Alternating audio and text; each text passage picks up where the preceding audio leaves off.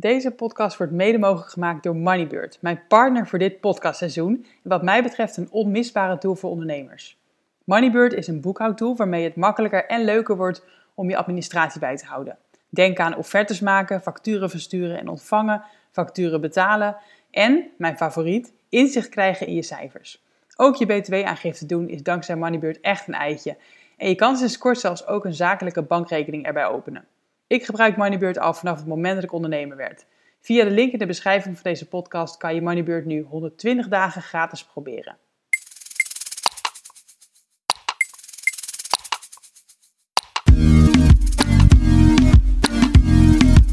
Super tof dat je luistert. Welkom bij een nieuwe aflevering van de Vrije Meid podcast. Mijn naam is Suzanne van Duin en ik help jou naar een vrij leven. In deze podcast leer je meer over online ondernemen, persoonlijke ontwikkeling en financiële vrijheid. Benieuwd hoe ik je verder kan helpen? Stuur me vooral een berichtje. Veel luisterplezier vandaag.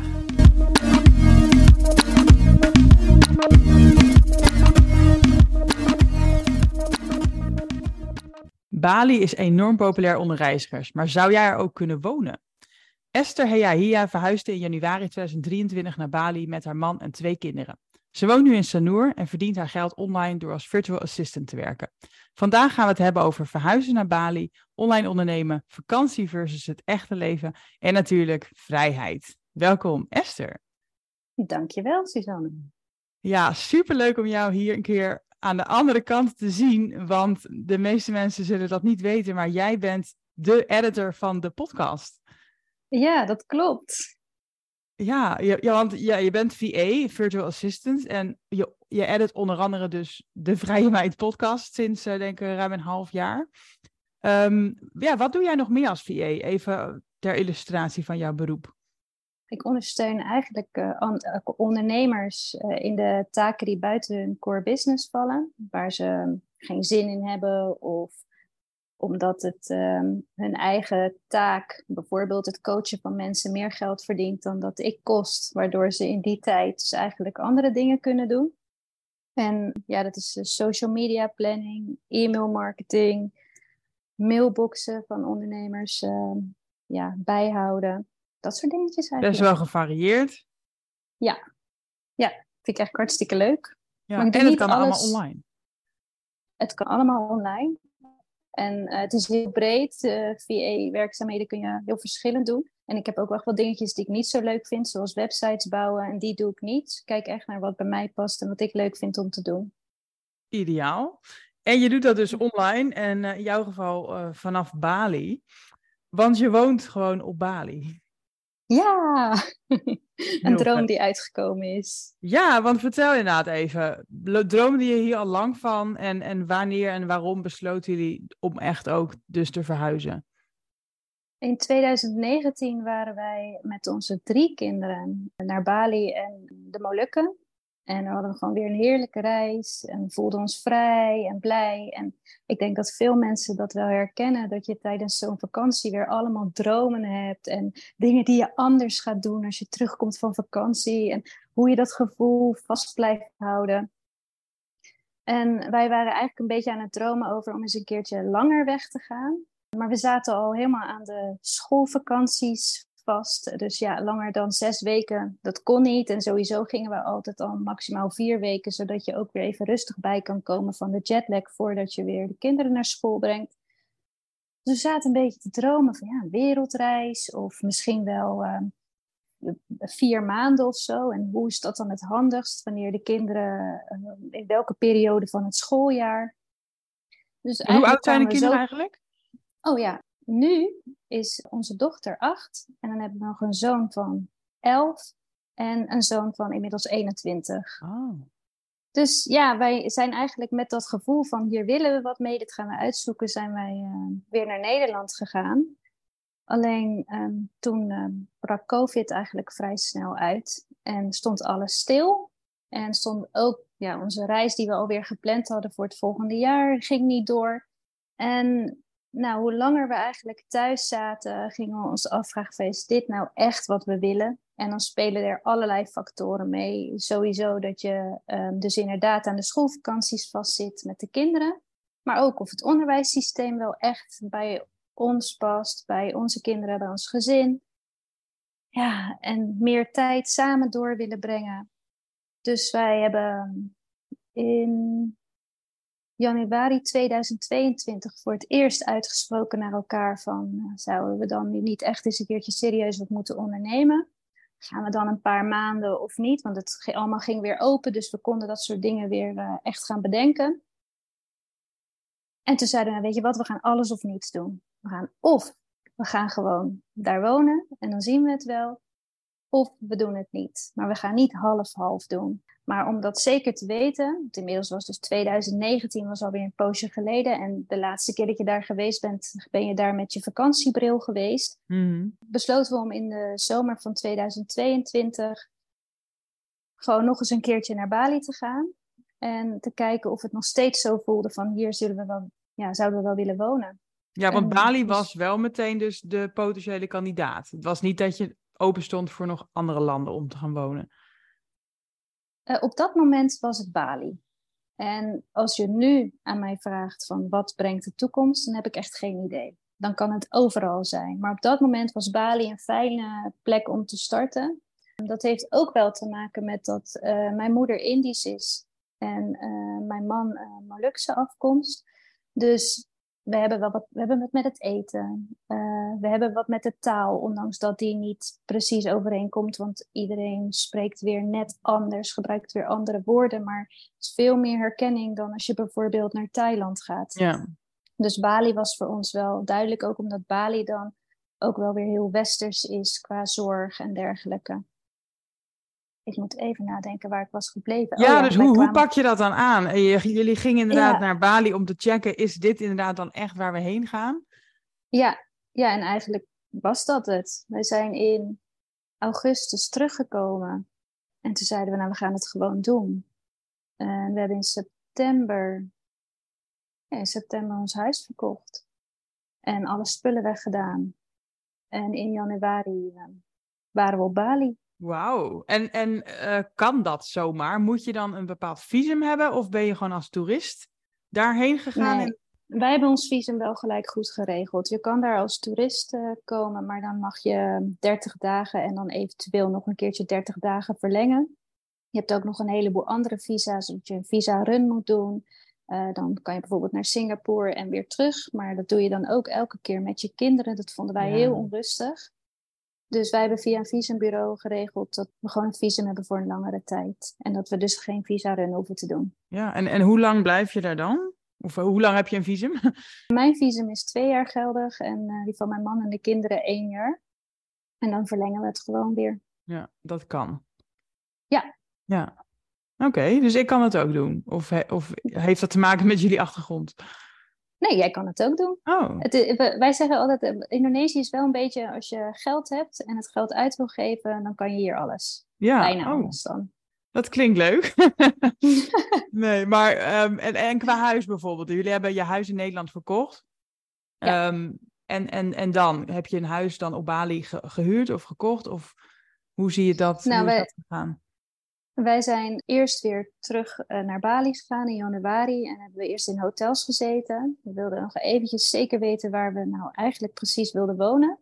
We zaten eerst even in Sanur, want daar hadden we afgelopen zomer ook gewoon een heel goed gevoel bij. Daar zagen we ons wel wonen. Maar eh, voor de kinderen vonden we het ook belangrijk om even in Ubud te kijken, omdat in Ubud veel meer eh, creatieve activiteiten zijn voor onze dochter. Dus we hadden een Airbnb ehm, in Ubud voor twee maanden, maar daar zijn we na vier dagen al weggegaan. Oh, we vonden waarom? Het, eh, we, ja, we misten het strand. Het huis was, het Air- de Airbnb was ook niet eh, wat wij wilden, maar we misten het strand en het is heel druk in Ubud. Dat we zeiden, ja, maar hier, hier gaan wij niet gelukkig worden. Dus toen zijn we teruggegaan naar Sanur. En ehm, toen zaten we in een hotel en toen zag ik op Facebook opeens een huis voorbij komen. En dat huis was te huur voor anderhalf jaar. En dat voelde zo goed, omdat wij eh, ons eigenlijk niet vast willen leggen voor een lange tijd. Anderhalf jaar is een mooie tijd om te bedenken van wil je dit nog langer of wil je ergens anders naartoe? Ik weet niet wat. Maar we hebben de mogelijkheid om dit eh, contract te verlengen als we willen. Dus we gingen kijken, maar het is hier wel eh, qua huizenmarkt eigenlijk hetzelfde als in Nederland. De prijzen zijn heel hoog en ehm, er staan nog met jou tien anderen. Mhm. Maar hadden heel veel geluk. Dus we hadden het huis wel pas per 1 juni. Dus we hebben nog maandenlang in hotels eh, geslapen. Maar dat was prima, omdat we wisten wanneer we in ons huis konden. Ja, dat geeft wel rust, lijkt me, ja. Ja. En ehm, nou ja, je- jullie zijn met twee kinderen verhuisd, maar je zei al, je hebt er drie. Vertel even, wat is er gebeurd? Ja, onze oudste is eh, inmiddels 21. En wij hadden zoiets over van, nou vooral ik als moeder zei, dat ze zo van, ga maar mee, ga maar mee. Maar ja, onze oudste die werkt voor Defensie. Dus eh, zijn droom kon hij sowieso hier niet verder waarmaken. En ook wel een beetje de leeftijd dat je echt wel je eigen plan eh, maakt. Ja. En mijn ouders die eh, hadden nog een eh, zolder over. En gezien hij door de week op de kazerne slaapt, ging het puur om slapen in de weekenden. Zei hij van, nou dan ga ik bij opa en oma wonen. En ja, dat is allemaal heel erg dubbel. En dat heeft, Ja. is ook nog extra dubbel, omdat de band tussen de drie kinderen ook heel erg hecht is, ondanks het leeftijdsverschil. Ze zijn heel close met elkaar. Dus wij hebben sowieso is hij in april al een keertje naar ons toe geweest. En ik ben de afgelopen twee weken weer naar Nederland geweest. En hij komt in augustus weer naar ons. Dus het is niet dat we Mhm. elkaar niet zien. Nee, precies. En daarnaast, hij is daarnaast ook veel eh, op oefening en dergelijke. Dus ook niet veel in Nederland. Ja, dat, dat lijkt me heel moeilijk. Ik ben zelf natuurlijk ook moeder. dat je inderdaad ehm, ja, de keuze hebt tussen niet je eigen droom achterna gaan en bij je kind blijven. Of wel je eigen droom achterna gaan en dan dus ja, je kind soort van achterlaten. Ja, ja hoe, hoe ben je hier on on a daily basis mee bezig? Is dat wel iets waar je dus mee hebt leren leven? Of is dat echt een heel, heel groot heimweegevoel? Nou, in het begin was het oké, want ehm, iemand van 21 heeft, in ik het bij mijn eigen kind houden, heeft echt zijn eigen leven. En eh, is heel vrij, heeft zijn vrienden, doet zijn eigen ding. Eh, maar uiteindelijk was de impact toch groter dan ik had verwacht. Het is toch anders dat hij dan af en toe even binnenloopt en dat dat helemaal weg is. En nadat hij hier in april is geweest, was het ook nog duidelijker van, oh, wat, je hoort gewoon bij ons, je hoort bij ons te zijn. Dus het was ook heel fijn om eh, weer even terug naar Nederland te gaan met de andere twee en weer even samen te zijn. En nu weten we dat we hem in augustus weer zien. Dat is over een paar weken weer. Dus dan is het wel te doen. Maar het is heel erg dubbel. Je, ik heb het liefst iedereen bij elkaar. Maar aan de andere kant ja, is er nog zoveel meer dan alleen die momentjes die je samen bent. Ja, dat is, want dat is de reden dat je dus uiteindelijk toch je droom achterna ging en dacht van ik, ik ga het toch doen. Ja. Ja, en nu ook, kijk, als hij 16 was geweest, was het een heel ander verhaal geweest. Dan eh, denk ik dat we deze stap nooit hadden genomen, of had hij meegemoeten.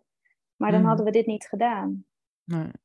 Nee, ik denk dat de kansen voor iemand van 21 hier, als jij zelf niet iemand bent die online zou willen werken, die, die heb je gewoon niet. Je kan hier niet, eh, je mag hier niet werken in de Mhm. horeca of der, iets dergelijks. Werk dat de Balinezen zelf kunnen doen, mag jij niet doen. En hij is juist iemand die lekker met zijn handen aan de gang moet en eh, ja, eh, geen VA wil worden. Nee, nee, precies. En, en de andere twee kinderen, want die zijn zeg maar nog jong genoeg om, hè, die kan je gewoon nog meenemen. Maar ehm, die gingen ook naar school in Nederland. Hoe, hoe Ja. regel je dat precies qua school- en leerplicht? Nou ja, we zijn uitgeschreven uit Nederland, dus de kinderen zijn niet meer ehm, gebonden aan de leerplicht in Nederland. Dat is eigenlijk heel simpel. Ja, dus je, inderdaad, je schrijft je uit en dan kan je die, die regel eh, ontwijken. En, en gaan ze dan daar naar school of doe je unschooling of homeschooling of iets anders? Nou, dat zit er een beetje tussenin. In elk geval gaan ze op dit moment nog niet naar school hier. We hebben tegen ze gezegd dat als ze naar school willen, dat dat mag. Dat we met ze gaan kijken wat zij willen. Daar hebben ze op dit moment allebei geen behoefte aan. Ik ben heel druk bezig geweest met alle schoolboeken tot groep 8 scannen. En ik had alles bij me. Zo, nou, ik, als we daar zijn, ga ik lekker eh, homeschoolen. Maar dat voelde al heel snel eigenlijk helemaal niet goed. Ik ben er niet eens aan begonnen. En de kinderen waren zelf al heel snel met dingetjes bezig die ze wilden leren. Zoals onze Hm. zoon, die wilde zijn paddy halen. Die zei, hoe oud moet ik zijn om een paddy te halen? Ja, tien. Oké, nou, ik ben tien, dus mag ik dan nu mijn paddy halen? Ja, dat mag, maar Cool. dan moet je alle theorie leren in het Engels. Zie je dat zitten? Ja, dat wil ik wel. Nou, die heeft zijn paddy gehaald. Wauw. Dus we hebben zoiets over van, laat maar eerst eens even kijken wat er uh, voor intrinsieke motivatie is vanuit hunzelf. En inmiddels beginnen ze ook steeds meer weer met spelling en rekenen bezig te zijn. Het enige wat vanuit uh, mij wel verplicht is, is dat ze moeten lezen elke dag. Dat Ja. vind ik echt heel belangrijk. Ja, precies. En, en ze wonen in het dorp Sanoer, dus daar, of stadje.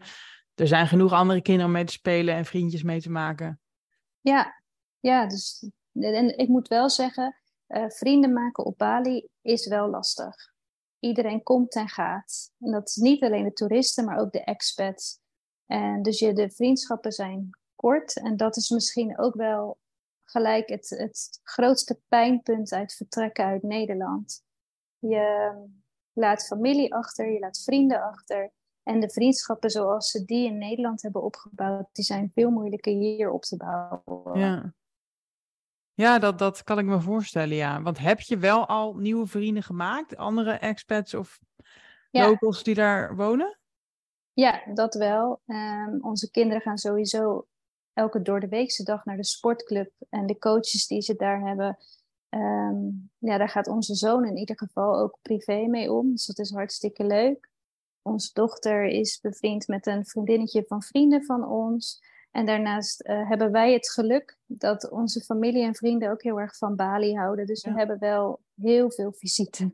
Ja, dat is natuurlijk wel leuk. Dat had ik laatst ook over met eh, Juliette, die in Kaapstad is gaan wonen. Van, mensen willen heel graag natuurlijk langskomen. Dus als je Ja. elkaar ziet, heb je wel heel veel quality time samen. Ja. Ja. En, en werk, nou ja, je zei het al, jij bent natuurlijk VA, dus jij kan online werken. En, en wat doet jouw man bijvoorbeeld? Mijn man die werkt nog voor het bedrijf waar hij voor werkte toen hij in Nederland werkte. Ah, Dus ja. die gewoon remote, eigenlijk- zeg maar. Ja, Lekker. ja, ja, dat is echt heel erg fijn. Dus ja, dat is op dit moment hoe we het invullen. Hij werkt nog gewoon 40 uur. En ik ehm, werk een stuk minder. Ik werk 12 uur ongeveer per week. En ook niet op vaste tijden. Eigenlijk Mhm. gewoon hoe het leven loopt. Dat is voor mij heel erg fijn. Ik vind het echt het ultieme gevoel van Ja. vrijheid om gewoon te bepalen van, oh, nou vanmiddag ga ik naar het strand, dan ga ik vanochtend even werken of misschien werk ik vanavond. Eh, daar gedij ik heel erg goed bij. Ja. dat, ik denk dat je dat ook wel weet. Ik ben eigenlijk altijd wel bereikbaar en eh, ik regel het wel, maar niet Ja, ik had niet het idee dat je maar 12 uur werkte eigenlijk.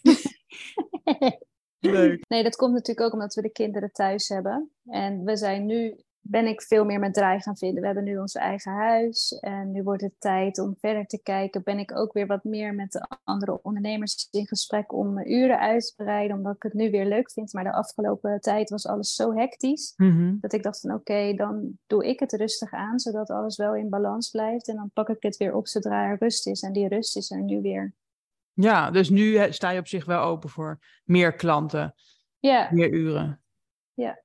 Ja, en hoe, en hoe vind jij klanten vanaf, eh, vanaf daar? Heb je een bepaalde strategie of, of komt het altijd een beetje via via?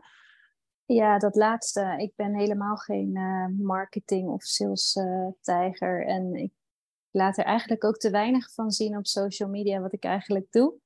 Maar ik blijf ervan uitgaan dat als ik mijn werk gewoon goed doe, dat dat ehm, ja, wel van mond tot mond doorgaat naar anderen. Zo is het ook met mijn andere werk altijd geweest. Ik heb nooit eh, een flitsende website gehad of wat dan ook. Het was Want niet wat, wat is je andere werk of wat was je andere werk?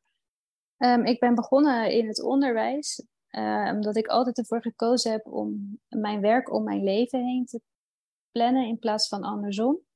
Dus in het onderwijs kwam goed uit, eh, omdat ik dan de schoolvakanties vrij was voor onze oudste. En toen ben ik met een burn-out eruit gegaan. En toen werd ons tweede kind geboren en die bleek niet zo geschikt voor de kinderopvang. Te veel prikkels, te druk.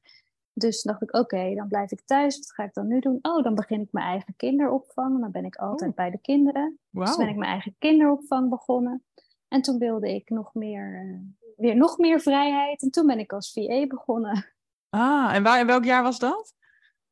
Ehm, in 2021. Oh ja, oké, dus twee jaar geleden, ja. Ja. Ja. En ehm, ja, dus inderdaad, vrijheid was wel echt de reden. en dus Ja. ook al in Nederland werkte jij als VA. Ja. En dan lekker vanuit huis. Ja. Ja, ik vond de opvang gaf mij al veel vrijheid. Omdat ik zelf gewoon ook toen al bepaalde dat ik in de schoolvakanties bijvoorbeeld niet werkte. Maar het was toch wel lastig dat als mijn kinderen op schoolreis gingen, dat ik dan ja, het liefst mee wilde, maar ook vond dat ik het naar ouders niet kon maken, want ik was al zoveel dicht. Mhm. En dan ging ik niet mee op schoolreis. Toen dacht ik, dit moet anders. Ik wil gewoon mee op schoolreis kunnen, dus ik ga ander werk doen. Ja. En toen ben ik bij VA gekomen. En, en hoe ehm, word je VA? Even voor de mensen die nu denken van hoe maak je dan die switch? Vanuit onderwijs, kinderopvang, opeens ondernemers gaan helpen online. Ja, ik denk sowieso die, die switch heb ik gemaakt terwijl ik nog de opvang had. Want ik vond het zelf heel belangrijk om wel mijn inkomen te behouden. En ehm, ik ben wat cursussen uh, gaan volgen om gewoon mijn, mijn weg erin te vinden. En ik heb vooral gewoon geleerd dat ik te veel cursussen aan het doen was. Ik dacht dat ik van alles moest weten en uh, voordat ik aan de slag kon. Maar al die kennis in mijn hoofd zonder dat ik het gebruikte, dat werkte eigenlijk helemaal voor geen meter.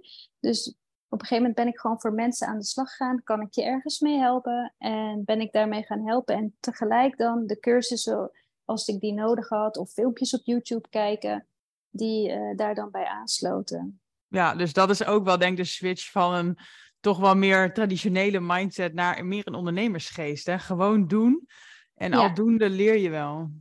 Ja, ja, en dat heb ik nog steeds. Want ik heb dus ook klanten die ik bijvoorbeeld voor social media heb, die dan vragen: Oh, zou je misschien dit of dat ook kunnen? Of ben je bereid om daarvoor te gaan leren? Nou, dan kijk ik even of het bij me past, want dat vind ik nog steeds heel belangrijk.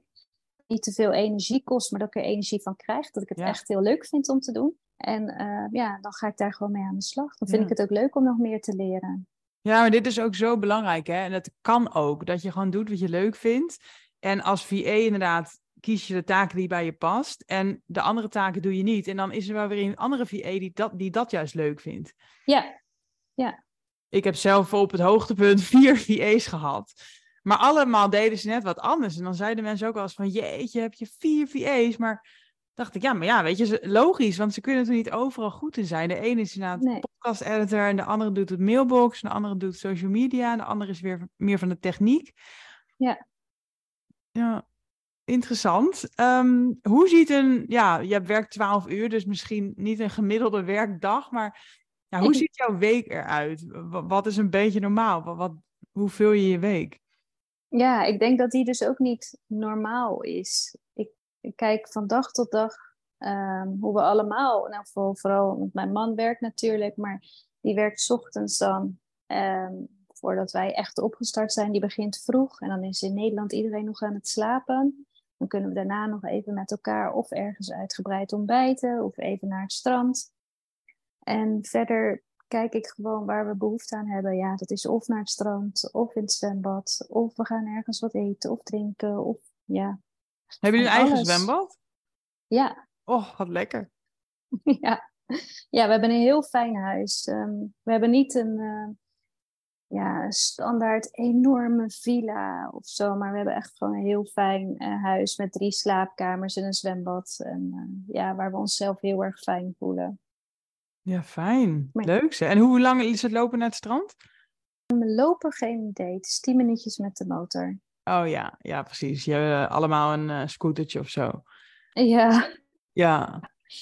Ja, je hebt hier weinig stoep om rustig lekker te wandelen. Dus uh, toch pak je dan meestal de motor. En, en, koken jullie zelf of ga, ga je drie keer per dag uit eten? Mm, nou, drie keer per dag uit eten, dat was in het begin heel erg leuk. Maar op een gegeven moment ben je dat ook echt wel uh, spuugzat. Um, dus ja, ik kan ook niet zeggen dat ik kook, eerlijk gezegd. We halen voor het avondeten, voor het avondeten halen we graag uh, gewoon eten af. En uh, voor het ontbijt um, heb ik wel gewoon boodschappen in huis. Maar ja, dat is natuurlijk niet koken. Nee, precies. Dus ik denk, ja, gemiddeld twee tot ja, nee, één of twee keer per dag dat we buiten de deur eten. Oh ja, ja dat is toch wel echt ja, de vakantievibe bijna op Bali. Maar, ja. maar dus ook het echte leven. Voor ons wel. Ja, ja. en ik weet niet, ik, soms denk ik wel, ah, ik zou wel meer willen koken. Maar uh, dat wat wij eten is gewoon vaak goedkoper als je het... Um, ja, bij een restaurant eet of, of ergens afhaalt. Ja, bizar eigenlijk. Dus, dus als jij boodschappen doet en het zelf gaat maken, ben je duurder uit dan dat je het afhaalt bij een restaurant. Ja, meestal wel. En komt dat dan omdat jij dan toch westerse prijzen moet betalen, omdat ze zien dat je niet een local bent? Of hoe, hoe kan dit? Waar doen die mensen zelf boodschappen, bedoel ik dan?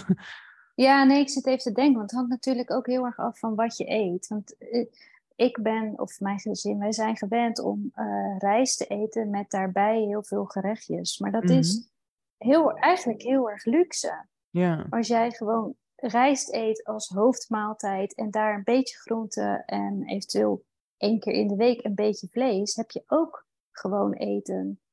Ehm, maar ja, wij zijn toch gewend om wat uitgebreider te eten, meer groente, uh, wat vaker vlees of vis of iets wat in elk geval duurder is. Dus ik denk niet dat het te vergelijken is met hoe de Balinese zelf eten. Die, die eten dus inderdaad ook gewoon rijst met een beetje groente.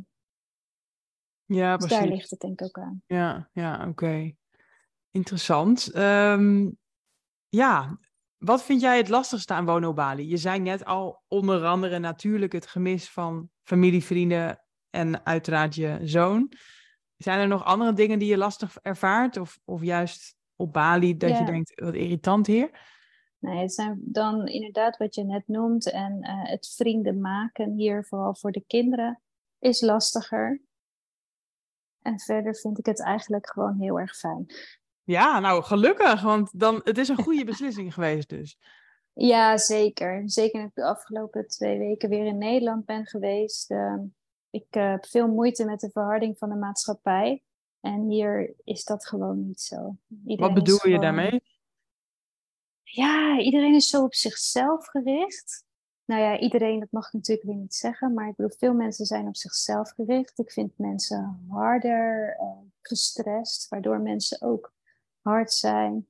Maar hier zijn mensen heel erg van, ja, we leven nu en ehm, het is zoals het is. Zo hadden we laatst dat we ergens reden en dat er een file stond.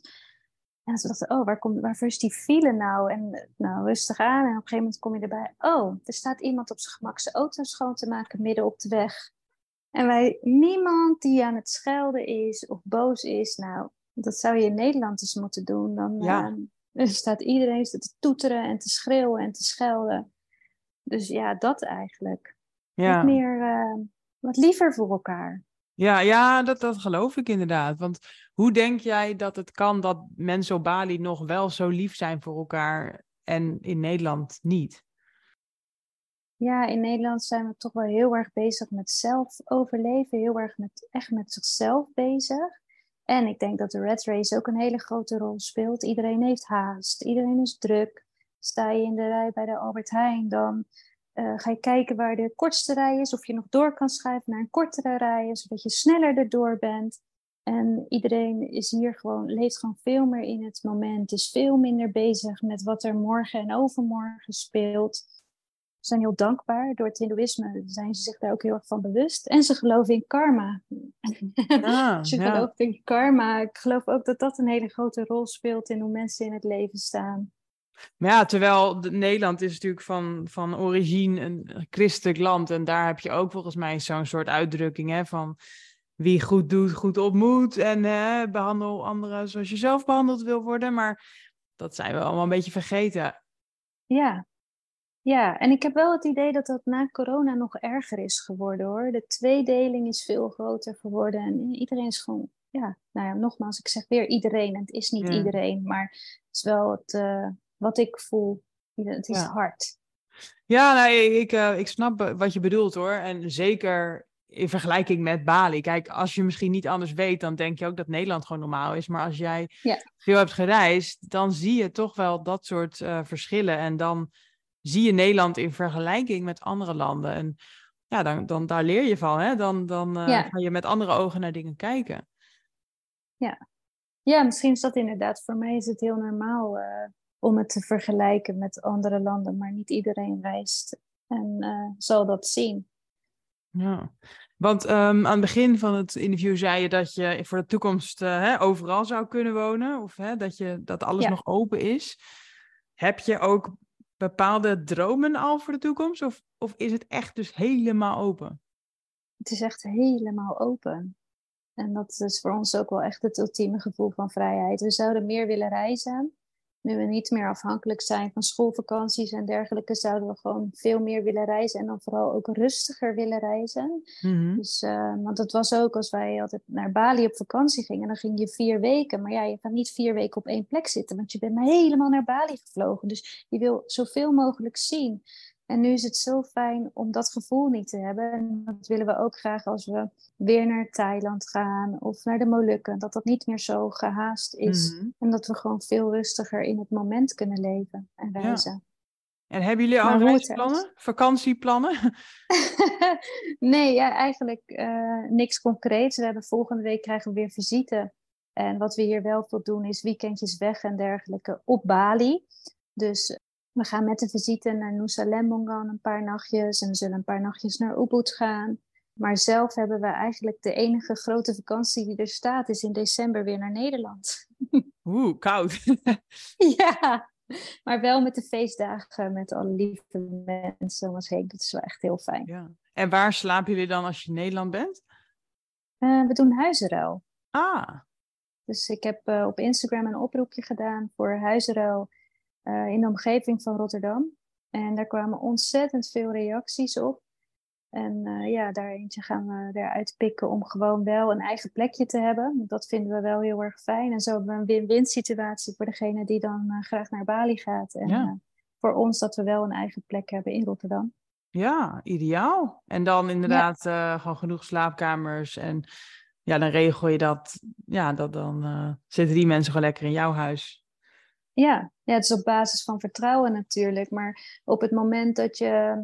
Voor ons was het het verkopen van ons huis en eh, geen spullen verschepen, maar gewoon echt alles wegdoen, behalve de hele emotionele dingetjes van de kinderen. Gaf ook al zo'n gevoel van vrijheid, omdat je geen waarde meer hecht aan die spullen. Dus nu huisruil, dat iemand in ons huis gaat slapen, ja, geen probleem. Het zijn maar spullen. Ja, En dat ja. was toen we ons huis in Nederland hadden echt nog wel anders. Dat voelde nog anders. Ja, heel erg ook dat bezit, hè? Dat, Ja. Ja, terwijl, ehm, ja, waarom zou je een ander niet in je huis kunnen laten? En helemaal als je in- ook in diegene's huis bent, dan is het inderdaad Ja. een, wederzijds eh, verbintenis. Mooi. ehm, ik heb altijd een laatste vraag waarmee ik eindig. En dat is ehm, ja, of je nog een favoriet boek of podcast hebt. Of, of een persoon eh, die jou heel erg heeft geïnspireerd op dit pad. Of misschien nog steeds wel. Ik ben heel erg begonnen met alles rondom minimalisme toen ik in Ah. Nederland was. En dat was, had ook te maken met het loslaten van spullen. Ik kon echt heel goed verzamelen. Ik was echt kringloopkoningin. Oh, Ehm, ja, maar eh, dat heeft mij heel erg geholpen om te kijken naar eh, eh, de essentie van. daar heb je het boek Essentialisme van. Mhm. Ik moet eerlijk zeggen dat ik het ze nu niet bij de hand heb. En dat boek heb je. En eh, ja, Rijke Pa, Arme Pa. eh, Master Your Mindset. Het boek van Napoleon Hill. oh ja. Get, uh, Think and Grow Rich. Ja, ja. Ja. Ehm, Ja, dus ook wel Ja. mindset en geld gerelateerde boeken. ja, ja. Ja, eigenlijk dat zijn een beetje de boeken die wel een grote rol de afgelopen jaren hebben gespeeld. In gewoon eens nadenken over hoe het ook anders kan. Want ik merk wel, ik vond het zelf best wel een eenzaam proces. Het loslaten van dingen. Ja, hoe praat je, waar vind je mensen die precies in datzelfde proces zitten en die niet allerlei eh, angsten eh, Mhm, bij je neerleggen en ja. alles wat er, ja, wat er fout kan gaan en dat je geen AOW meer opbouwt en dat soort dingetjes. Mhm. En hoe dan? Hoe moet het dan met de kinderen als ze niet Mhm. naar school gaan? Ja, dat soort dingetjes, het was voor mij wel heel fijn om daarover over te lezen. In plaats van steeds te praten met mensen die niet in hetzelfde proces zaten. Ja. ja, want als ik het zo hoor, dan jouw, jouw oude garde, hè, jouw oude inner circle was dus niet op datzelfde pad. Of die begreep dat niet. Die projecteerde toch wel een beetje die angsten op jou. Heb je, heb je wel ook gelijkgestemden gevonden, behalve dan natuurlijk de boeken? Nou ja, dat zijn de mensen die je in eerste instantie vaak online ontmoet. En ik moet zeggen dat je. ehm, we hebben best wel lang gewacht met het bekendmaken dat we dit gingen doen en onze gedachten hierover. Eh, zodat ik me ook wel een beetje steady voelde daarover. Want anders ga je elke keer toch weer twijfelen. Je, Mhm. maakt, geen, eh, je maakt toch best wel een eh, spannende beslissing.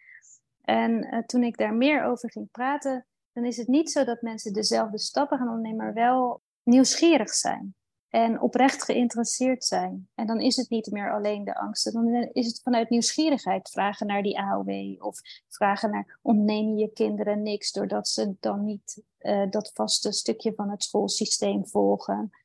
En omdat ik zelf ook alweer sterker in mijn schoenen stond en veel beter wist wat ik wilde, was dat ook makkelijker om op die manier over te praten. Ja, ja, dat begrijp ik wel. Het is ook heel vaak natuurlijk de manier waarop iemand iets vraagt. Hè? Inderdaad, ja. veroordelend of, of retorisch of oprechte interesse. Hoe zit het dan precies met die AOW? En, want je bouwt inderdaad geen AOW meer op omdat je bent uitgeschreven, maar je blijft wel Nederlander met een Nederlands paspoort. Je kan altijd weer terug. Ja, dat klopt. Ik heb alleen mijn bedrijf dus ook niet meer in Nederland ingeschreven staan. Ja, want hoe, hoe zit dat? Daar hoor ik ook vaak gemengde verhalen over. Want je had een eenmanszaak en als je dan je uitschrijft, dan kan dat niet meer, toch? Nee. Nee, dus ik um, ben ingeschreven in Estland. Um, omdat dat ook een EU-land is, kan ik daarmee aantonen dat ik binnen de EU gewoon belasting betaal. En uh, Estland heeft daar gewoon een heel mooi systeem voor opgezet voor digital nomads.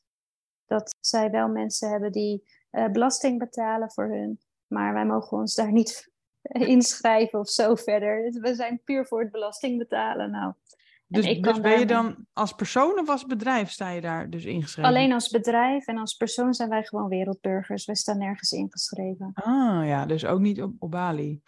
Nee. Nee, precies. Dus inderdaad, jij bent zelf nergens ingeschreven. Je bedrijf is ingeschreven in Estland. En je betaalt dan belasting in Estland of Nederland? Ja, in Estland. Ja. Jeetje, ja, wat een constructie, hè? en, en hoe heet dit precies? Het heet, ja, de e-citizenship is het toch? Of is het iets uh, E-residency. Oh, e-residency, oké. Ja. ja. Interessant. Nou, daar kunnen mensen eens naar kijken als ze ook dit, um, dit probleem hebben. ja, nou ja, probleem, ja, er is een oplossing voor. Dus um, het is meer een struggle misschien. Ja, en ik hoor ook wel eens van mensen dat als je uh, kan aantonen bij de Kamer van Koophandel dat je echt online werk doet, dat je toch ingeschreven kan blijven. Maar het is allemaal vaag en niks staat echt zwart op wit. En dat wilde ik niet proberen. Want het gedoe wat je achteraf kan krijgen, dat, uh, hiervan wisten we dat dit goed was. Dus ja. Ik krijg ook wel eens vragen hierover, inderdaad. Gewoon die, die juridische kant en die, die formele zaken. Maar de wet loopt altijd achter op de praktijk. Weet je, er, er zijn hier nog geen strakke regels voor, omdat het relatief zo snel is gegaan met de hele digital nomad movement. Ja. Dus ja, ja, niemand weet het echt. Dus uiteindelijk moet je het ook maar gewoon doen. En um, ja, don't ask permission, ask forgiveness misschien. ja. Nee, maar er zijn ook mensen die wel in Nederland ingeschreven blijven staan, maar al jaren niet in Nederland zijn geweest. En officieel mag dat ook niet. En die hebben dan geen leerplichtige kinderen of hun kinderen gaan wel naar school in het buitenland. Ja, zolang het uh, niet ontdekt wordt, is er niks aan de hand. Alleen ik durf dat soort dingetjes niet aan te gaan. Nee, nee precies. Nee, voor jezelf afwegen inderdaad wat, ja. ja waarbij je goed kan slapen nog. En, uh, ja, precies. Zijn. Interessant. Hey, heb jij nog een laatste tip misschien voor iemand die nu denkt van, oh, ik wil misschien toch ook wel naar Bali, maar ja, durf niet, of hè, ja maar zus, ja maar dit? Ja, wel goed uitzoeken. Goed uitzoeken van tevoren, want um, er zijn dus inderdaad wel mensen die naar Bali gewoon wel makkelijk juist denken zonder uh, drempels, maar die vergeten dat, ze, dat het visum uh, niet heel goedkoop is. En dat uh, je ook niet eventjes in de horeca op Bali kan gaan werken. Dus bereid je wel goed voor. Maar ja, verder zeg ik gewoon doen. Want ja, als het niet goed gaat, en zo staan we er zelf ook in. Stel dat we over een jaar zeggen van, nou, dit is niks. Dan kunnen we gewoon terug. Maar dan hebben we geen spijt van uh, de dingen die we niet gedaan hebben. Dit hebben we wel mooi al uh, meegemaakt met elkaar. Ja, super gaaf dat je dit hebt gedaan. En uh, heel erg bedankt voor je verhaal en je openheid. ik denk dat het heel leerzaam is voor mensen en heel inspirerend. En nou ja, wij spreken elkaar weer. Ja, dankjewel. Super bedankt voor het luisteren. Ik hoop dat deze aflevering tot inzicht heeft geleid. Laat het me weten. Ik zou het heel leuk vinden als je iets over deze podcast kan delen op social media of een review kan achterlaten. Hopelijk weer tot volgende week bij de Vrije Meid Podcast.